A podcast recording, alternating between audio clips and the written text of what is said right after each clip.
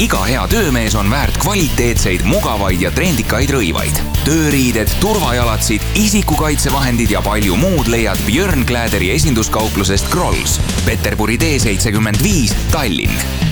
lisainfo grolls.ee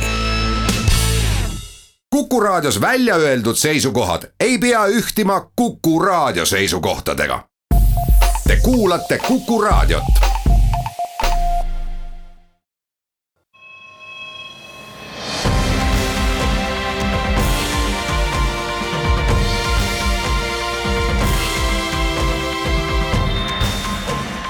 Buum. saadet toetavad Swedbank ja EBS, nähes ja luues võimalusi tere päevast, on viies detsember, kell on saanud seitse ja pool minutit üksteist läbi. oleme taas eetris Buumi saatega, saatejuhid Anto Liivet ja Ott Pärna. tänase uudisteploki avame teadete ning aruteluga selle üle, kuidas läks Saksa autotootjatel Valges Majas. jätkame Porschega, kes arendab uut tüüpi kaardirakendust räägime ka sellest, et esimene vaid biokütusel liikuv kaubalaev sõitis Hollandist Eestisse ja kui ettevõttel läheb kehvasti, siis võiksid töötajad rohkem naerda, siis võiks paremini minna. meie tänane saatekülaline on inimeselt inimesele autorendiplatvormi Autolevi looja Tauri Kärson, kes aitab meil ka uudiseid kommenteerida. aga nii nagu lubatud sai, räägime kõigepealt sellest, et Saksa autotootjad käisid eile Trumpi juures või siis kohtusid äh, tema administra-, administratsiooniga Valges äh, Majas. ja kui juulikuus andis äh, Donald Trump teada plaanist rakendada Ameerika Ühendriikidesse imporditavatele Euroopa autodele kahekümne viie protsendiline impordimaks, siis autotootjad tegi see mõistagi ärevaks, arvestades tõsiasja, et kahe tuhande seitsmendal aastal Ameerika Ühendriigid äh, importisid Euroopast äh, tarbesõidukeid äh, enam kui neljakümne miljardi dollari eest ja kui laiemalt vaadata, siis need juulikuised välja hõigatud imporditariifid puudutasid enam kui kolmesaja miljardi dollari ulatuses Euroopa tootjate Ehm, toimetamist ning äh, kaupu Ameerika Ühendriikide turul jah, kui nüüd numbrite sisse natuke vaadata, siis üleüldse Euroopa on Ameerika Ühendriikide kõige suurem kaubanduspartner ja vastupidi äh,. impordi poole pealt siis Hiina järel teine on Euroopa Ameerika Ühendriikides, et, et noh suured kaubandusplokid, kelle vahel mõlemat pidi kauplemine käib. kui me räägime, mida müüvad eurooplased sinnapoole, siis müüakse masinaid, seadmeid müüakse ähm, farmatooteid ehk siis ravimeid, nendega seotud asju ja siis masin- või autod või liikum-. jah, ütleme igast liikurid on siis kolmandal tasemel, aga kui me mõtleme teistpidi, eks see käib nagu selline kauplemine mõlemat pidi. selge on see, et kui luksusautodele pannakse toll peale, kakskümmend viis protsenti need kallimaks seal lähevad või kõikidele autodele, noh ameeriklaste eesmärk on kaitsta kohalikku Äh, kohalikku siseturgu, kohalikke autotootjaid, eks, aga kui me vaatame vastupidi, mida ameeriklased siis Euroopasse müüvad, noh, kõige number üks on lennukid, Boeingi lennukid põhiliselt, eks. ja siis samamoodi masinad, seadmed, sealt edasi farmatooted, optilised instrumendid, meditsiiniseadmed. et eks ta on selge, et kui ameeriklased millegile Euroopa poole pealt tolli peale panevad pannakse vastutollid peale juba praegult tegelikult, kui me mõtleme kasvõi lennukite ostu. eks riigid saavad üksjagu seda mõjutada, et kust neid lennukeid ostetakse, kas sõidetakse siin äh, Euroopa toodanguga ringi või, või, või siis ostetakse Boeinguid. poliitiliselt oli see muidugi huvitav käik, sest äh, ei ole kombeks, et äh, mõne Euroopa Liidu liikmesriigi töösturid lähevad äh, väljapool Euroopa Liitu mõne riigipeaga pidama kaubandusläbirääkimisi. ja sellele pidas ju tarvilikuks reageerida ka Angela Merkel, kes ütles, et ka Saksamaa nimel kaubanduspoliitilisi kõnelusi peab ikkagi Euroopa Liit. küll aga, kuna Ameerika autotöösturid on, äh, Saksamaa autotöösturid on Ameerika Ühendriikides suured tööandjad siis käidi läbi rääkimas pigem Ühendriikidesse tehtavate investeeringute ning töökohtade üle ja noh, välja tuldi ju lõpuks sõnumitega selle kohta, et nii Volkswagen, Daimler kui ka BMW kõik oma investeeringuid Ühendriikidesse suurendavad. Tauri, mis mõtteid sinul see ekskurss Ühendriikidesse tekitas? No ma kõigepealt hakkasin mõtlema, et kui palju siis äh, see ameeriklasi endid nagu ütleme, sihukest lihtsat ameeriklast nagu mõjutama hakkab, et. Äh, et kui auto hind tõuseb, noh teoreetiliselt peaks tõusma on ju kakskümmend viis protsenti selliste impordimaksude kehtestamisel, siis ütleme, kui müügitabeleid vaadata, siis tegelikult lihtne ameeriklane ei, sõidab Ameerika autodega ringi või Jaapani autodega, Toyota, Honda äh,, Chevroletid Äh, kui võtta premium klass, siis hakkab äh, premium klassi mõjutama see hinnatase äh, või hinnatõus. et premium autodest on tegelikult igal pool top'ide, noh, ütleme müügitoppides on eespool BMW, Audi. Mercedes tuleb ka seal lõpupoole, et ütleme siis jah, ütleme rikkamate ja jõukamate inimeste hakkab. võib-olla võiks huvitav oleks vaadata, millega Donald Trump ise sõidab, Donald Trumpi viiest lemmikautost number üks on kahe tuhande kolmanda aasta Mercedese SLR McLaren hmm.. teisel kohal on viiekümnendatest pärit Rolls-Royce Silver Cloud kolmas on Rolls-Royce Phantom, üks kallimaid Rolls-Royce'e. neljandal on Lamborghini Diablo. -hmm. ja, ja viiendal korrusel on siis Chevy Camaro, kahe tuhande üheteistkümnenda aasta oma. ehk siis viiest, top viiest number, ainult üks on ameeriklane mm. -hmm igal juhul äh, paistab äh, praegu meile teadaolevate sõnumite põhjal, et Ühendriigid siiski Euroopa autodele imporditolli äh, tariife rakendama ei äh, kipu. Äh, vähemalt niimoodi on äh, autotöösturid meile mõista andnud, elame-näeme. Porsche on andnud teada, et arendab uut kaardirakendust koostöös Mapboxi nimelise vabavara lahendusega. möödunud aastal Helsingis Slushil said siis Porsche ja Mapboxi inimesed omavahel kokku. idee peaks siis olema muuta muuta kaardirakendus, mida autodes kasutatakse millekski enamaks kui lihtsalt abimeheks, kes aitab punktist A punkti B jõuda? ja see tundus äh, nagu, tundub päris huvitav äh, lähenemine, et kui siiani on äh, Waze ja äh, Google Maps ja igasugused sellised kaardirakendused välja tulnud sellega, et kuidas siis jõuda kõige kiiremini äh,, kõige efektiivsemalt, kõige väiksema ajakuluga punktist A punkti B, siis äh, siis Porsche on tõesti hakanud mõtlema selle peale, et kuidas siis sõiduelamust ka huvitavaks teha, et. et samamoodi me ise Autolevis ju kirjutame, noh, anname ka inimestele ideid, et kuhu minna, mis kohti vaadata.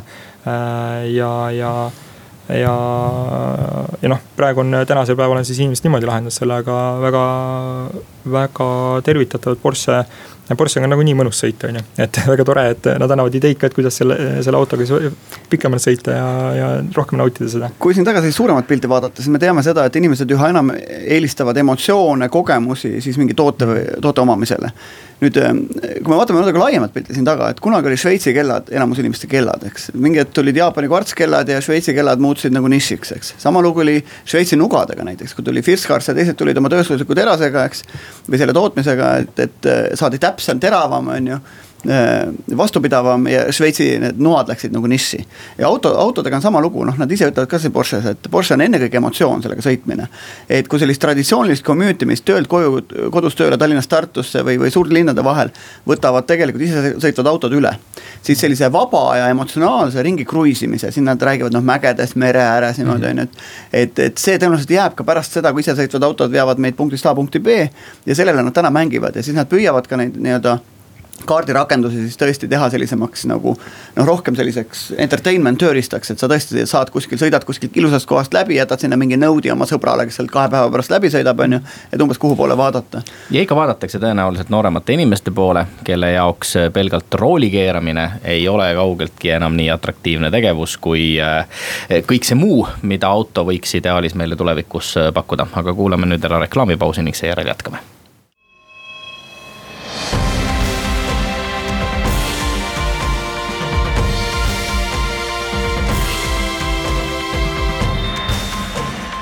Buum. saadet toetavad Swedbank ja EBS, nähes ja luues võimalusi. Oleme tagasi Buumi saates, saatejuhid Anto Liivet ja Ott Pärna, meie tänane saatekülaline on äh, autorendiplatvormi Autolevi looja Tauri Kärson, kes aitab meil ka uudiseid kommenteerida nüüd räägime sellest, et äh, üks Taani merevedudega tegelev ettevõte on meile andnud teada, et esimest korda maailma ajaloos on äh, üks biokütusel liikuv äh, kaubalaev võtnud ette pikema sõidu ja sõitis siis Hollandist Eestisse teadupärast on Euroopa Parlamendi ja nõukogu direktiivid ette kirjutanud, et iga liikmesriik peab vähendama kasvuhoonegaaside heitmeid transpordisektoris kahe tuhande kahekümnendaks aastaks kuue protsendi võrra ja taanlased nüüd sammu sinna suunas on astunud Ähm, merelaevandus äh, annab teadupärast äh, enam kui kaks protsenti üleilmsest äh, süsinikdioksiidi emissioonist. ja kuivõrd rahvusvaheline kaubavahetus siiski pigem on veel kasvutrendis, kipub see number suurenema no ega siin päikse all midagi pole uut, et see oli aasta kaks tuhat seitse, kui neli TTÜ tudengit sõitsid oma pannkoogilõhnalise Volkswagen Transporteriga ümber Läänemere. seda siis fritüüriõliga, pannes sinna üheksasada liitrit fritüüriõli sisse, et, et igasuguse toiduõliga on ka varem üritatud sõita, eks nüüd on küsimus kaks teemat, kõigepealt on see, et rohelised ütlevad, et see on inimkonnavastane kuritegu, kui me toiduainetega nagu sõidame mm. -hmm. mida nüüd siis see taanlane vastu ütleb, et, et seal on teema siis ütleme sellise, seda tüüpi õliga, mida niikuinii ei kasutata ära. ja nad vist panevad sinna ka plastmassi ja kõike muid sisse, ühesõnaga nad kõiki asju taaskasutavad. selleks, et siis uh, uus kütteõli nagu valmis teha. ja mida, mis on siis nende see nagu claim või mida nad siis ütlevad, on see, et noh, see, et me peame pool nagu poole säästlikum, mitte poole säästlikumaks, poole vähem keskkonna reostatavaks laevad tegema, seal üks variant on see, et me läheme LNG-le üle. mis tähendab laevade jõuseadmete väljavahetamist, mis on tohutu kallis protseduur. Nemad ütlevad seda, et oma seda äh, uut kütteõli võid sa panna täpselt samasuguse laeva sisse, täpselt samasele raske kütteõli asemele. mis on tegelikult kõige prostam õli üldse, mida, mida siis laevadesse aetakse suurtest mootoritest läbi, me näeme ju, kuidas nad tossavad, eks. ja, ja see toiduainelaevad siis või selle äh, bioõli peal töötavad laevad äh, tossavad täpselt samamoodi aga nad väidavad just seda, et kuivõrd nad seda sisendi poolt taaskasutatav, kasutavad, siis poole võrra nagu võidetakse seda nii-öelda. väik-. Nad isegi ütlevad, et see on äh, CO2 neutraalne aga neutraalne on see, et, et nad vaatavad ka selle -hmm. sisendi poolt mm. -hmm. just see väljundi pool on ikka sama, samamoodi tossab see õli edasi, eks, aga just see sisendi pool on, on see, kus nad siis.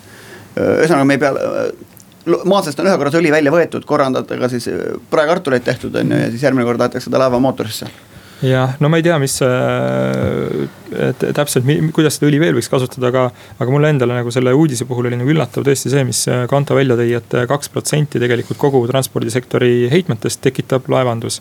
et äh, aga tegelikult äh, autod äh, äh, näiteks raske, need suured autod, väiksed autod, sõiduautod tekitavad tegelikult ju suure osa sellest, ehk siis kakskümmend kaheksa protsenti on üldse kokku, on ju see valdkond ja sellest kaks protsenti on laevandus. ehk siis, kui Euroopa Liidu eesmärk on vähendada neid heitmeid, siis tuleks võib-olla pihta hakata sellest, kus on kõige suurem, kust üldse tekib kõige suurem nagu emissioon ja sealt on palju lihtsam leida neid võimalusi. no aga teistpidi, kui me arvestame nagu laevade ekspluatatsiooni aega, see viiskümmend aastat on ju, et. et siis sa pead igal pool pihta hakkama, sa korjadki need kahe protsendi kaupa need valdkonnad kokku, lõpuks saad sada protsenti, eks mm. -hmm. et, et kui sa nagu mingil valdkonnal lased minna nagu on, et kui nüüd ostetakse uus sats laevu järgmiseks viiekümneks aastaks, tossavad samamoodi, eks et ehk siis sa pead paratamatult suruma kõiki sektoreid, mitte ainult seda, mis sul võib-olla kõige rohkem CO2 emissiooni teeb. häda on ju mõistagi selles, et biokütus on täna ikkagi kasutada kallim ja kui äh, diiselmootoriga autodest äh, vististi juba suurusjärgus kaheksakümmend protsenti ja enam on äh, biokütuse kõlbulikud, siis noh, laevade kohta seda rääkida ei saa, et me räägimegi siis ajaloo esimesest siis suuremast kaubalaevast, kes sellise pikema reisi ainult biokütusel tegid. ja, ja muidugi huvitav on see, et ta sõitis siis Rotterdamist Tallinnasse, et, et jälle au ja kuulsus, eks ole, meie vabariigile. võib-olla veel see tava, tavatänavaliiklusega, vaata seal on katal-, katalüsaatorid ja hulk asju autodele juba peale pandud, on ju. laevamootorid on umbes samamoodi töötanud nagu viimaseid aastakümneid, samamoodi tossanud ja seda kõige nagu rämedamat õli läbi lasknud, ehk siis seal on, ütleme seda võita on palju, kui, kui midagi tegema minna ja ma võib-olla lihtsalt paneks, viskaks sellise mõtte õhku, õhku, et näiteks ütleme puhtalt juba, kuidas meie igapäevaselt autoga sõidame. et kui me sõidaksime säästlikumalt, meil on võimalik kakskümmend, kolmkümmend protsenti vähem kütust panna autosse et äh, näiteks sihuke äh, lihtne muudatus on ju, me ei pea vahetama mootoreid välja, me ei pea hakkama mingit äh, toitu äh, selleks kasutama, et liikuda, me peame lihtsalt äh, säästlikumalt liikuma. on üks, on ju moodus, teine moodus on veel see, et äh, tegelikult äh, tööstus ise on ju sellest kogu emissioonist annab ka üle kahekümne protsendi. ja tööstusel peetakse silmas ka autotööstust, ehk siis autode tootmist. et kui me nüüd äh, jällegi hüppan oma valdkonda, et kui me autosid jagame, äh, on tehtud uuringuid, kui ühte autot äh, inimene jagab, siis kuskil viis kuni viisteist autot võetakse tänavalt ära. ehk siis tegelikult on vaja vähem autosid toota noh, sealt tuleb jällegi võit, on ju, et sellised lihtsad asjad annavad noh, palju kergemini selle võidu võib-olla kätte. ja et, on vaja vähem, vaja vähem laevadega autosid vedada, eks. Jah, ja seda ka veel lõpuks on ju. Aga sellest kõigest jõuame rääkida järgmistes saateplokkides pikemalt, selle ploki lõppu veel üks äh, toredam, lõbusam äh, uudis. Harvard Business School'i professor Alison Wood-Brooks on uurinud seda, kuidas äh, naljaviskamine ja huumor äri tegemist mõjutab. Ja ühe põneva tähelepanekuna on ta paljude eksperimentide tulemusena andnud meile teada sellest, et õnnestunud naljaviskamine juhtide puhul äh, kipub nende staatust inimeste silmis äh, tõstma. kui visatakse nalja, mis ei ole naljakas, siis see inimese staatust äh, kuidagimoodi ei mõjuta. küll aga, kui tehakse kohatut nalja, siis see mõjub ka inimese reputatsioonile kehvasti. nii et kindlasti ei peaks juhid pelgama naljaviskamist, isegi kui kõik naljad alati naljakad ei ole ma, siin võiks täitsa uurida, et kui palju sellistest üleüldse nagu naljade koguarvust on, on seksistlikud, on sellised igasuguse tagamõttega mm. -hmm. millest tegelikult see juht võib oma kohast lahti saada, et, et siis on võib-olla sellist asja nagu tagant julgustada nagu keeruline, aga, aga igast asja sa pead nagu välja kandma ja see peab tulema sinu nagu seest loomulikku teed pidi, kui et. et sa siis punnitad, et kõik teised juhid teevad nalja, ma püüan ka teha, eks. no mida nad siin muidugi väidavad ja üks teine uuring tõi välja ju selle, et, et naer on üleüldse kasulik ta maandab stressi, ta lõdvestab lihaseid siis väidavad, et sada korda naeratada võrdub kümme minutit äh, mingit kerget trenni teha, eks. et, et äh, noh, ta, ta mitmel moel tervislik tegevus ja, ja ta ilmselt aitab ka sellisest äh, pingesituatsioonist üle saada. noh, mingisugune koosolek, kõik on mustades ülikondades ümber laua ja noh on pingeolukord ja kuidagi tuleb see nagu maha võtta, siis on lihtsam ka teha nagu ma ei tea, ärikõnelusi pidada. kuidagi muud moodi nagu lihtsamalt hakkama saada, sama lugu on igasugused, ma ei tea, vastuvõtud auhinnakaalad, asjad, et kui keegi kuskil natuke nalja viskab, läheb see asi kõigi jaoks kergemaks. vastasel juhul on kõigil selline hästi ebamugavustunne no eks soovitatakse ju tegelikult ka oma ettekannetes, esitlustes, et äh, alustada kuidagi lõbusalt, et see võtab juba endal, ennast muudab vabaks. Äh, selle ettekande alguses muudab kuulajaid äh, vabamaks, õhkkonna nagu ei ole õhk nii paks.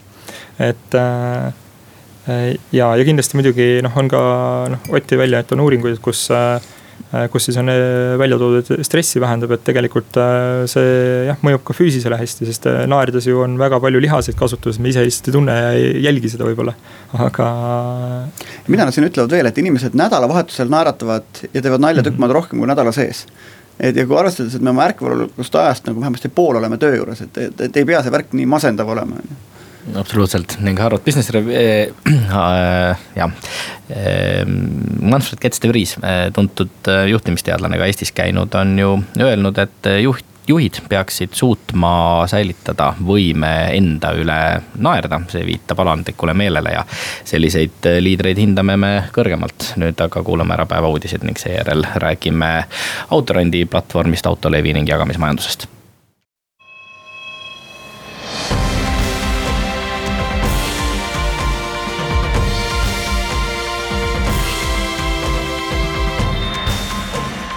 Buum. saadet toetavad Swedbank ja EBS, nähes ja luues võimalusi oleme tagasi Buumi eetris, saatejuhid Anto Liivat ja Ott Pärna. meie tänane saatekülaline on autorendiplatvormi Autolevi looja Tauri Kärson. ning räägimegi nüüd jagamismajandusest ja sissejuhatuseks äh, autolevist. Te püüate parasjagu Funderbeami kaudu kaasata raha selleks, et äh, ettevõtet edasi arendada.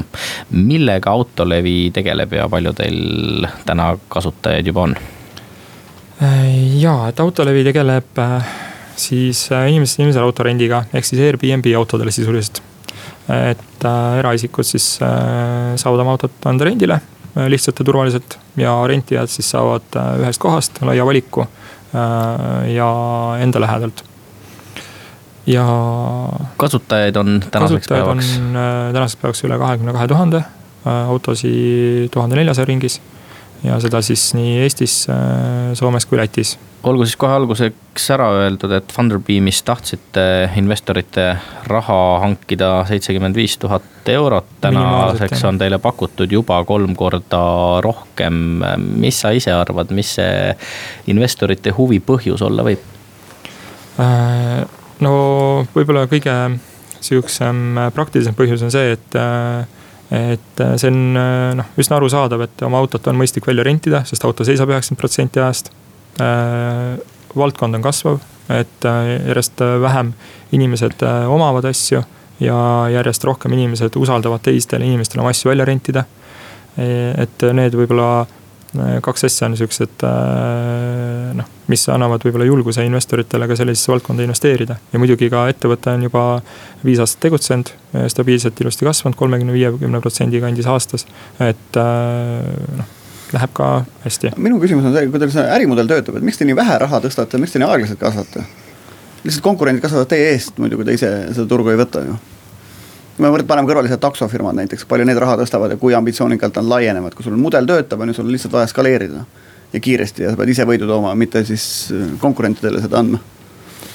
Äh, no seal on võib-olla meie nagu tegevuse puhul on keerulisem osa, see pool, et inimestel on noh, kui me alustasime viis aastat, viis aastat tagasi. oli, kui sa ütlesid mõnele autoomanikule, et kuule, rendi oma auto välja, siis öeldi, et nagu hulluks oled läinud, et mingile võõrale inimesele ma ei anna nagu noh, ma ei anna oma autot. täna me oleme jõudnud sellesse faasi, kus inimesed, kui nad kuulevad, et keegi rendib, siis küsivad, aa, et tõesti või. et kuidas siis käib, et ma olen nagu kuulnud, aga ei tea täpselt et, äh, et võib-olla kui kõrvale tõidki taksonduse on ju, siis taksondus on lihtne, on ju, et inimesed on kogu aeg taksoga sõitnud. nüüd äh, taksot on lihtsalt võimalik nagu lihtsamini tellida ja tänu sellele on äh, hakatud rohkem sõitma, et ei ole mingisugust barjääri, et miks ma pea, miks ma ei peaks hakkama siis taksoga sõitma, et aga meie puhul on jah see, et meil on vaja teiselt poolt see pakkuja nagu taha saada, aga pakkujal on veel siuksed äh, hirmud, mis võib-olla kõik ei ole enam tänapäeval nagu väga hästi põhjendatavad, aga noh kas neid pakkujaid kuidagi kiiremini ei saa taha või, või neid samal ajal mitmes riigis sinna taha saada? et ma mõtlen seda, et kas sa jätkuvalt nagu valideerid oma ärimudelit, pole kindel, kas töötab, ei tööta.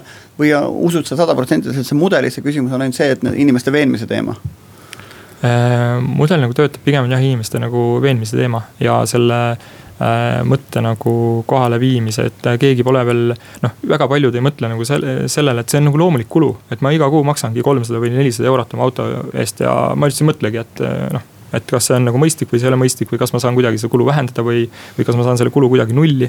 et äh, sellist mõtteviisi nagu ei ole, et inimestel võiks järjest rohkem selline mõtteviis tekkida, et kui ma midagi ma ei tea, oman, siis ma võiksin seda võimalikult efektiivselt majandada, et kuidas siis nagu see, see asi võiks ennast eh, noh, ka tagasi teenida, et ta ei ole mulle kuluallikas. kas teil on ka maksuametiga mingisugune kokkulepe, kuidas neid kliendi andmeid edastate? Airbnb just täna-eile siin midagi, midagi tegi. ja, et me oleme, noh maksuametiga on selline koostöö, et äh, kui auto, noh, meil on siis võimalik äh, autoomaniku nõusolekul maksuametile edastada siis äh, selle autoomaniku aastased teenitud tulud ja siis deklaratsioon eeltäita.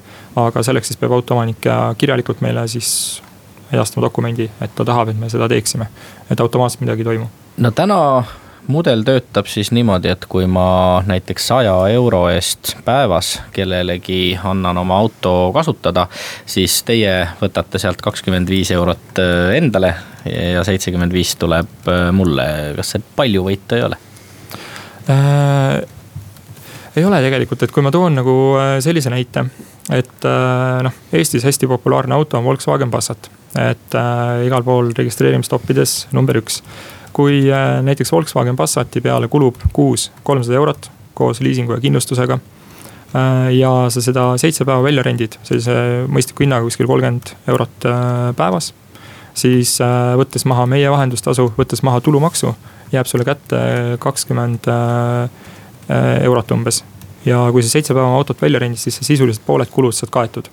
ehk siis see on äh, Äh, noh, sellist võimalust ei ole autoomanikel varem olnud, et oma pooled kulud tagasi saada. ehk siis äh, noh, kui võtta praegune keskmine palk on ju, mis on seal kuskil tuhat kakssada, tuhat kolmsada brutos. ehk siis netos umbes tuhat, äh, siis saades iga kuu sada nelikümmend eurot on üle kümne protsendi, viisteist protsenti, ligi viisteist protsenti oma igakuisest sissetulekust. noh, lisandub. aga kui ma nüüd vähemalt seitse päeva pean sellega nädalas tegelema, siis selle tegelemisel on ka mingisugune hind ju. jaa, et selle tegelemise hinna saab äh, ka üsna mõistlikuks ajada, et äh, näiteks auto üleandmisele kulub kuskil viis minutit. et auto on märgitud, kus kohas sa üle, üle annad, inimene tuleb kohale, lähed välja, teed, annad auto üle ja lähed ise tuppa tagasi või kontorisse tagasi, et kus iganes sa üle annad, et noh, viis minutit, siis kümme minutit ühe rendi peale, seitsme rendi peale seitsekümmend minutit, et jah, see üks tund. et no. eks igaüks arvutab, palju tema tund maksab arvestades seda, et äh, autod ikkagi pea üheksakümmend protsenti ajast seisavad jõude, kuigi loodud on nad pigem sõitmiseks kui seismiseks, siis äh, noh, lõpuks tasub võib-olla ära ka pidada mingisugust väikest autoparki ja inimest, kes neid autosid äh, välja rendib. jah, aga ütleme, meie selle mudeli puhul ei seisne nagu idee selles, et nüüd meie, meie idee ongi selles, et juba olemasolevaid autosid ära äh, siis kasutada. sest kui te ise linnas ringi liigute, ma arvan, igaüks on nagu näinud enda maja ümber vähemalt äh, ühte autot, mis äh, enamus aega seal seisab ma arvan, noh minu maja ümber Kalamäes, seal on väga palju neid äh, autosid, mis lihtsalt iga päev seisavadki ja üksikud päevad ma näen, nad on parkimiskohta vahetanud. ehk siis äh, tegelikult on tänavatel väga palju ressurssi, mis on kasutamata. ja mis on veel, ütleme selle juures hea, kui sa seda välja rendid, et äh, sa saad ju ka kiiremini oma autot niimoodi välja vahetada et su auto küll kulub natukene kiiremini, kui ta sõidab, on ju selle kümne protsendi asemel, mis sina tast ära suudad kasutada, sõidab võib-olla kakskümmend või viiskümmend protsenti, aga saad ka kiiremini vahetada ja ja seega ka paremat autot omada, ökonoomset autot omada ja keskkonnale läbi selle juba kasulikum olla. kuidas teil konkurentidega lugu on? et nii siin piirkonnas või kes, kes maailmas suuremad tegijad on? Äh, maailmas võib-olla kõige suurem tegija on Turo, äh, Ameerika päritolu äh, ja, ja siinkandis Eestis, Lätis, Leedus ei ole. Rootsis on üks tegija, Soomes on üks tegija, aga nad on äh, noh, me, me oleme neist äh, suutnud olla natuke paremad. et äh, see annab nagu kindlust, et, et suudame ka edaspidi. Euroopas, Inglismaal, Saksamaal? Euroopas on ka, Prantsusmaal on Drive'i, Hispaanias ja, ja Saksamaal samamoodi Te näete Euroopat vististi vähemalt esialgu oma sellise, kas nüüd just koduturu, aga, aga vallutamist vajava piirkonnana. samal mm. ajal täna opereerivad seal ikkagi suuresti autorendiettevõtted, et kui tuhu mm. suur see turg on ja, ja kui palju raha need autorendiettevõtted pööritavad, kellele te nüüd plaanite siis äh, koha kätte näidata? Äh, noh, seal on ka nüüd äh, kaks aspekti, et esiteks me ei plaani on ju kohta kätte näidata, sellepärast et kui meie seda teenust pakume, teenus muutub mugavamaks, lihtsamaks, kättesaadavamaks, siis tegelikult turg ka kasvab et hetkel on see turu suurus Euroopas ainuüksi umbes kaksteist miljardit aastas. Äh, ja sellest muidugi pool on, on ju äh, äritarile, ehk siis kuus miljardit jääb äh, eraisikute sõite. et meie veel hetkel ärikliendile, meil on ärikliente, aga me ei ole eraldi selle jaoks nagu turundust teinud, et äriklient saab ka meid kasutada. et, et siis tegelikult noh, ma ei, ma ei, ma ei näe, et, et see turg nagu, turg ei vähene ilmselgelt Äh, sest inimesed omavad vähem, nagu ma ka alguses enne ütlesin, et siis see turg on kasvav ja tänu mugavale teenusele kasvab äh, turg veel enam. Läheme siit nüüd väikesele reklaamipausile ning seejärel jätkame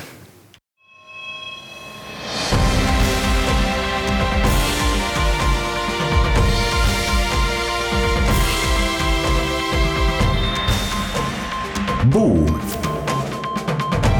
saadet toetavad Swedbank ja EBS nähes ja luues võimalusi oleme tagasi Buumi eetris, saatejuhid Anto Liivat ja Ott Pärna. meie tänane külaline on autorendiplatvormi Autolevi looja Tauri Kärson. räägime jagamismajandusest.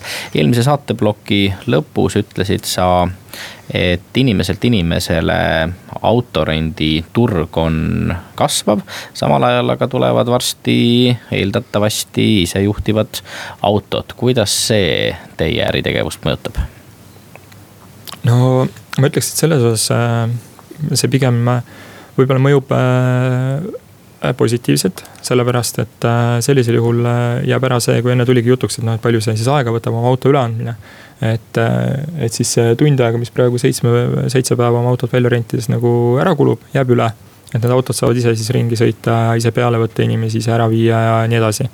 et, et selles osas ei mõjuta ta liiga palju ja muidugi alati jääb veel see sektor, mis see, see sektoris inimesed, kes siis soovivad rentida autot elamuse pärast.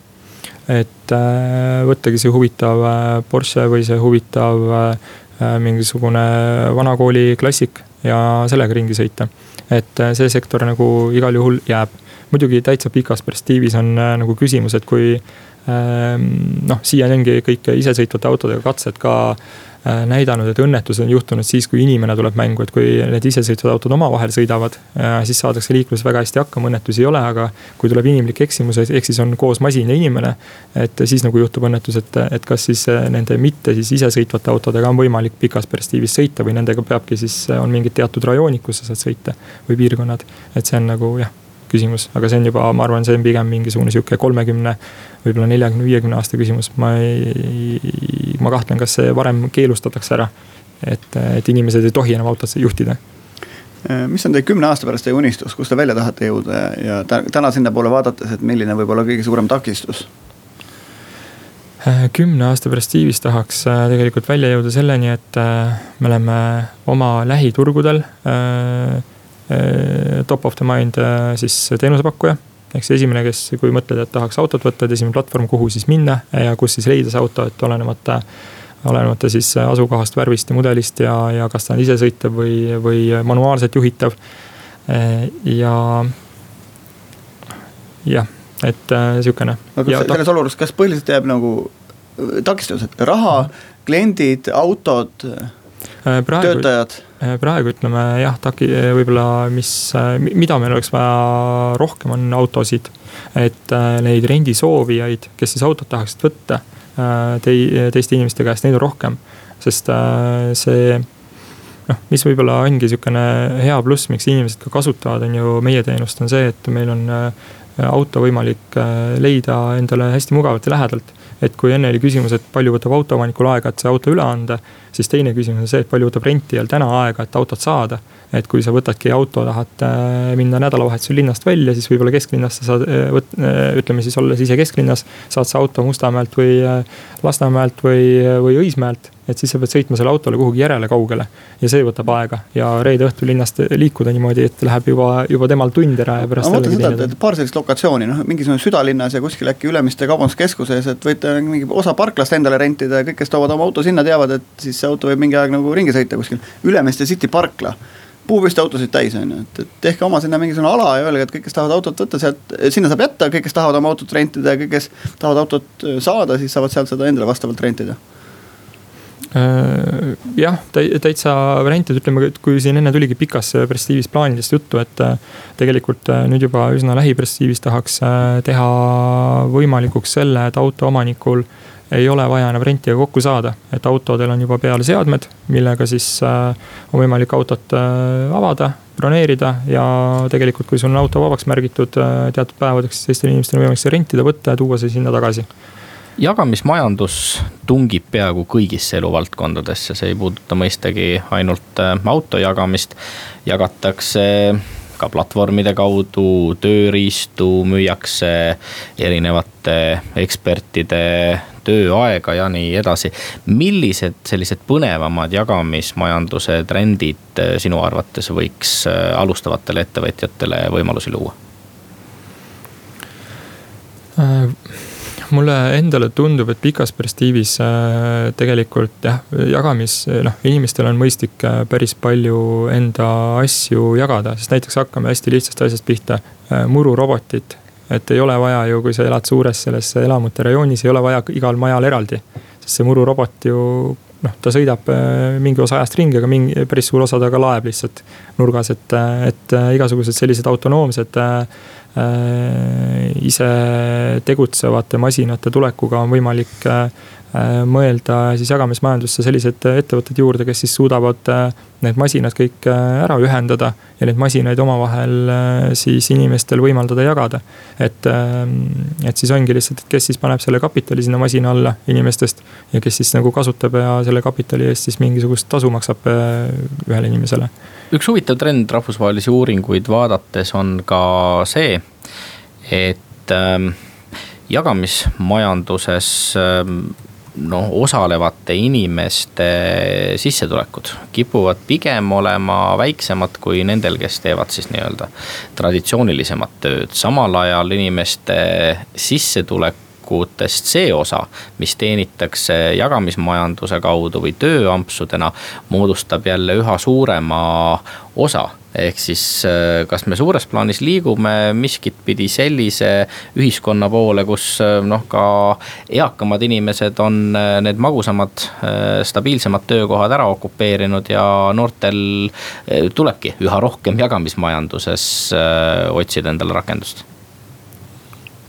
ma ei oskagi nüüd öelda, kas see nagu, kas selle, selle põhjal saab nagu väita kohe seda, et, et siis eakamad on endale positsioonid ära võtnud ja noortel noh, eks ta on nii, et kui sa tuled, on ju, oled hilisem tule, tulija, ehk siis oled noorem. mingid kohad ja mingid äh, tööd on juba võetud ja sa pead äh, leidma jah, uusi võimalusi ja muidugi on ka noortel on ju see eelis, et noored äh, otsivadki, on avatud rohkem uutele võimalustele ja mõtlevad välja uusi asju.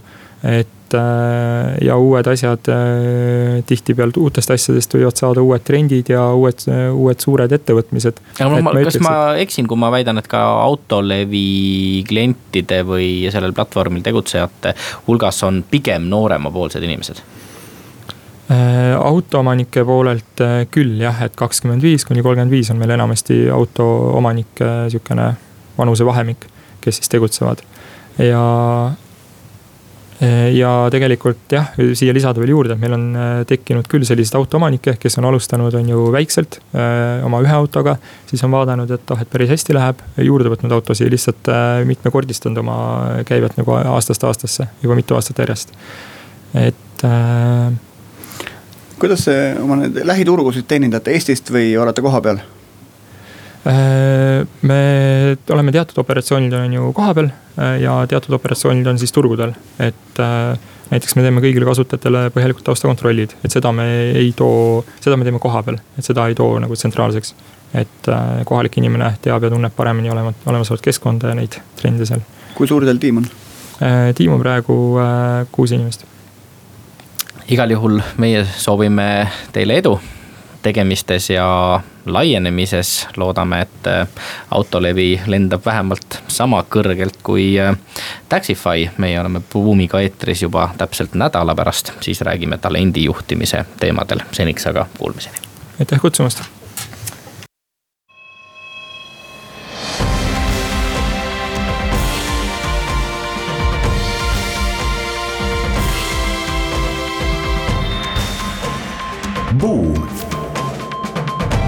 saadet toetavad Swedbank ja EBS, nähes ja luues võimalusi